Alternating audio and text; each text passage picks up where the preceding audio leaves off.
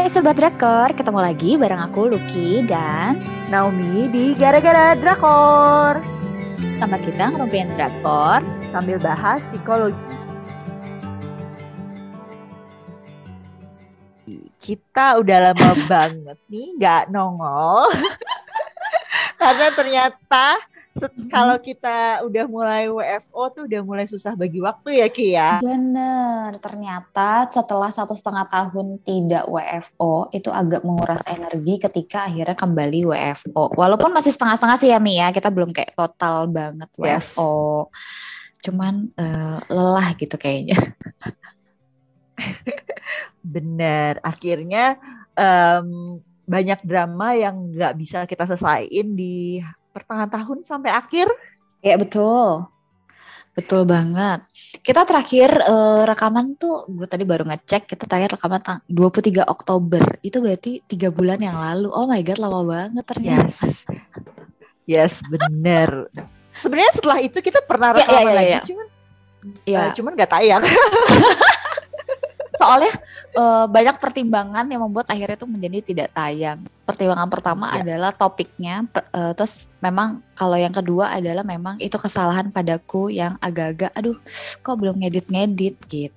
Eh, Yes, bener. Tapi karena ini akhir tahun sama kayak tahun lalu, kita mau wrapping eh, podcast season ini dengan eh, ngasih tahu drama favorit kita gitu. Tadi kita mau di so. IG story aja, tapi ternyata banyak yang minta podcastin dong gitu ya. Mhm. banyak. Elah, banyak. Ya katanya, eh ini kok terakhir podcastnya tayangnya eh, masih udah lama sih gitu kan. Kayaknya menanti gitu. Apalagi Hmm. kita eh, podcast terakhir agak kontroversi gitu ya Mi ya. Jadi kita sekarang mau Oke. menutup dengan yang favorit aja gitu. Kesannya gara-gara kontroversi kita menghilang gitu ya. Heeh, heeh. Padahal enggak sih, Eh, enggak enggak ada hubungannya sih. Bahkan kita sudah menyiapkan podcast yang mungkin akan menjadi another kontroversi tadinya ya ya. Ya benar benar benar. Tapi ya itu tadi karena kita bareng sama-sama sibuk jadi akhirnya nggak tayang. Nah makanya kita sekarang mau ngomongin drama favorit kita sepanjang tahun 2021 gitu. Karena kan ini udah tinggal dua hari lagi udah Januari gitu. Betul. Nah tapi kita mau kasih disclaimer dulu bedanya favorit sama terbaik apa nih Ki? Oke, benar-benar. Kita disclaimer dulu ya. Jadi kalau favorit itu kita benar-benar mengkhususkan ini subjektivitas eh, gue dan Naomi. Bukan kadang bukan karena memang skripnya bagus banget atau ceritanya oke banget, tapi simply ya kita suka aja. Walaupun mungkin nanti beberapa ada yang memang diakui ini terbaik karena sekali lagi kita ini kan bukan eh, kritikus film yang ngerti-ngerti banget soal acting atau penulisan skenario, tapi benar-benar ini purely subjektivitas eh, bahwa ini adalah kita suka banget sama drama ini gitu. Kita mulai dari eh, drama favorit gue dulu nih ya.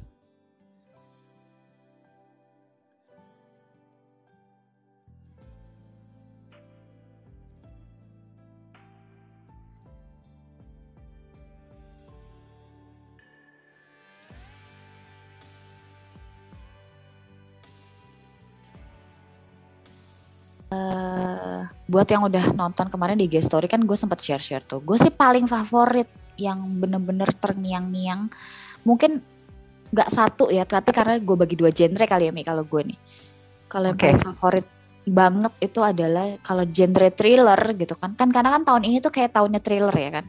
Tahunnya crime, tahunnya pokoknya film-film yang berat dan bikin mikir. Nah, untuk yang genre itu gue favoritnya banget itu adalah tentunya Beyond Evil. Yang Mhm. ternyata eh, nggak banyak jadi favorit orang ternyata ya. Kalah saing sama eh, eh, sama Mouse. satunya lagi. Betul sama Mouse. Tapi kalau gue pribadi gue Beyond Evil tuh kayak the perfect j- thriller genre tahun ini gitu. Nah, karena gue tetap ya paling favorit adalah romance tentunya. Ini favorit ya, ini eh, ingat ya, ini favorit bukan menurut kita ini bagus banget kalau yang ini. Eh bukan menurut gue ini bagus banget, tapi favorit gue adalah So I Married Anti Fan. Sebenarnya sih sama Yumi Cell itu 11 12 lah karena kalau Yumi Cell itu kan secara cerita, secara acting juga bagus ya. Jadi makanya itu menjadi favorit gue juga tuh Mi karena ceritanya bagus, terus gemesin dan segala macem dia kayak dua-duanya ini sama-sama dari webtoon kebetulan. Yeah. Nah, dan sama-sama uh, adaptasinya tuh setia banget sama webtoonnya, tidak ada yang mm-hmm. diubah terlalu signifikan. Jadi setia dengan alurnya dan makanya tetap sebagus webtoonnya, makanya gue cinta banget. Kalau anti mm-hmm. fan, jujur sebenarnya kalau bukan subjektif, ini sih sebenarnya B aja, ya. yes, benar, benar banget. Like a very cheesy uh, romcom. Tapi entah kenapa karena chemistry keduanya menurut gue tuh kece banget. Itu membuat gue suka banget sama drama ini. Sebenarnya kalau kalian nonton mungkin kalian nggak akan sepakat sama gue bahwa ini drama gemesin mungkin ya. Tapi ya gitu deh gue suka banget aja gitu sama si So I Married Anti Fan ini. Hmm. nah terus yang keempat gue punya lima lah ya. Gue akan sebutin lima deh Uh, yang keempat itu, nah ini tuh drama sedih sebenarnya. Mungkin ini bukan favoritnya Naomi ya, tapi ini favorit gue tuh mm -hmm. uh, ini sama nih posisinya uh, Move to Heaven sama Navilera. Ini juga mm -hmm. Navilera tuh kayaknya jarang banget sih yang nonton, tapi gue suka banget sama pesannya drama itu, sama actingnya orang-orang dalam situ. Itu gue suka banget. Kalau Move to Heaven kayaknya kayak juga menjadi favoritnya hampir semua orang, mm -hmm. ya kan? Kayaknya suka banget tuh sama uh, si uh, Move to Heaven ini karena kan ceritanya apa ya dia tuh menyentuh lah ya dan per episode tuh kayak beda-beda cerita, beda-beda story dan ada hal-hal baik yang bisa kita ambil di setiap episodenya. Lalu yang kelima ini sebenarnya sih nggak kelima ya, ini udah yang keenam tapi ya anggap aja ini yang kelima gitu ya. gue tuh entah kenapa gue suka banget sama Youth of May. Gak tau gue kenapa, tapi bagi gue Youth of May tuh uh, gue pikir itu tidak akan menjadi list tapi ketika gue ditanya eh lo nonton apa aja yang oke? Okay, tahun ini tuh Youth of Me tuh selalu men menjadi salah satu drama yang pop up di kepala gue. Berarti kan gue sebegitu apa ya istilahnya inget sama drama ini gitu. Itu sih sebenarnya. Walaupun yang berkesan berkesan lainnya sih banyak lah gitu. Tapi untuk yang paling memang langsung pop up kalau ditanya lo sukanya drama apa tahun ini itu yang tadi udah gue sebutin. Kalau lo apa Mi? Oke, okay. jadi uh, ada beberapa drama yang gue sama Lucky itu sama gitu, karena selera kita kan mirip ya.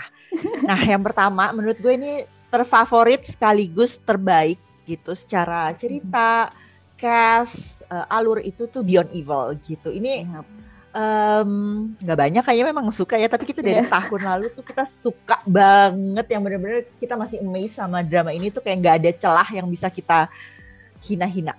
Betul. Gitu. perfect. Gitu. itu perfect. Perfect pokoknya.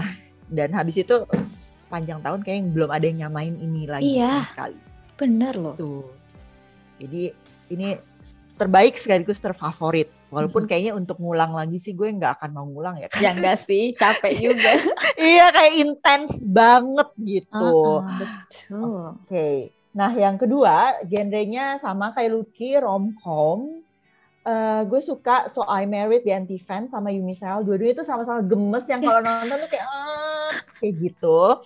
Bener juga kalau Yumi Sal tuh secara cast, secara acting, mm -hmm. secara produksi tuh jauh lebih bagus gitu. Apalagi kan dia ada kartun-kartun yang gemes yang menurut gue ini jarang banget webtoon yang kayak gini gitu. Walaupun betul, betul. mungkin orang uh, kalau nonton Yumi juga jadi keganggu dengan kartun-kartunnya karena si Yuminya nggak nggak jadi nggak dapet spotlight ya. Iya benar. Spotlightnya adalah di kartun-kartun ini. Tapi menurut gue karena ini justru kartun-kartun ini yang bikin lucu, makanya gue suka. Terus kalau soal I Married the Fan tuh bener-bener drama cheesy yang mengeluarkan sisi ABG gue. Iya kan? yang itu tuh kayak yang yang wow. ngayal banget aja iya. gitu. Bener, setuju jadi, gue. Jadi kayak kita ngebayangin gimana kalau kita jadian sama idola Idol. kita, terus idolanya tuh kayak bucin banget, yang sampai ending-endingnya itu tuh bener-bener kayak Cinderella gitu yang dilamar gitu. Jadi kayak wah ini Bener. sih uh, bener-bener pas sama impian ABG gue gitu Bener jadi gue suka banget. banget gitu nah terus habis itu gue suka lagi sama Love Struck in the City bukan ah. karena dia Ji Cangguk tapi sebenarnya ini drama iya, iya. yang yang ceritanya juga beda ya. Maksudnya dia ada teknik wawancara kayak uh, Modern Family. terus udah gitu dia ceritanya sebenarnya biasa-biasa aja. Kekuatannya menurut gue ada di actingnya mereka berdua dari putus, jadian, cuman pusatnya ada di mereka berdua doang gitu sama dua pasang temennya gitu. Dan menurut gue ini sangat menarik dari biasa tapi bikin kita tuh penasaran gimana mereka akhirnya uh, bersatu lagi kayak gitu. Terus udah gitu gue suka kayak gue suka banyak.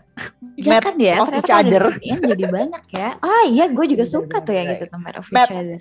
Karena dia uh, bener-bener dari sisi uh, kesehatan mental, gangguan mentalnya tuh bener-bener pas. Walaupun sebenarnya uh-huh, ceritanya bener lucu banget ya, bener, bikin ngakak banget gitu. Tapi menggambarkan kayak kekerasan dalam pacaran, terus udah gitu efeknya gangguan mental itu bener-bener pas dan menurut kita walaupun ini romcom tapi researchnya tuh jauh lebih ya, oke okay yeah, daripada drama-drama tentang kesehatan mental lainnya. Jadi tapi ini juga underrated gitu loh. Jarang yang nonton mungkin karena kurang ganteng gitu ya.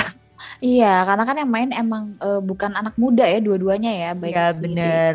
pemain ceweknya maupun cowoknya gitu. Bener. Tapi walaupun ini tentang gangguan mental, tapi ini tuh gemes romcomnya tuh bener-bener kayak kita bisa segemes si uh, So I Married dan Yumisel lah gitu. Jadi chemistry-nya cukup oke. Okay. Betul. Nah yang terakhir sama kayak Lucky, gue suka banget Youth of May. Ya kan, gitu. kenapa ya?